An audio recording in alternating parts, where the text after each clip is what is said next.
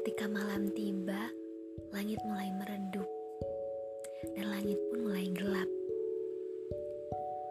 Bulan mulai menampakkan diri tanpa ragu lagi. Dia sudah terlihat nampak jelas di mata.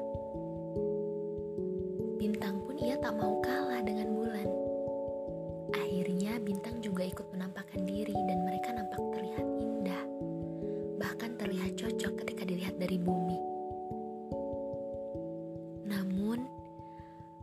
Malam semakin gelap, bulan dan bintang pun mulai tertutupi oleh awan hitam.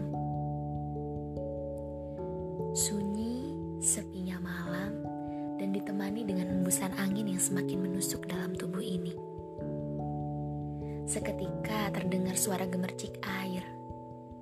Saya kira itu air keran, nyatanya itu air hujan. Saya berpesan kepada hujan untuk menyampaikan rindu saya kepada dia. Ya, dia yang jauh di sana. Yang tidak dapat saya tatap, yang tidak dapat saya genggam.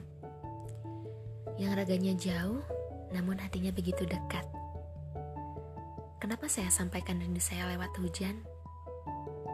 Karena hujan bisa dinikmati, bisa dilihat, bisa dirasakan Bahkan ketika hujan, suasana menjadi berubah, terasa lebih nyaman dan lebih tenang.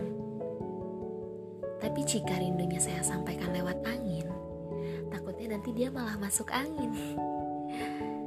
Jadinya saya titipkan rindu ini lewat hujan. Jadi ketika hujan turun, dia akan selalu ingat kalau saya sedang merindukannya. Dan satu hal yang perlu dia tahu, Hujan itu meski dia jatuh berkali-kali, namun ia akan tetap datang dan kembali untuk membasahi bumi. Seperti saya, meski saya pernah jatuh sakit hati, tapi saya akan tetap datang menemani. Salam rindu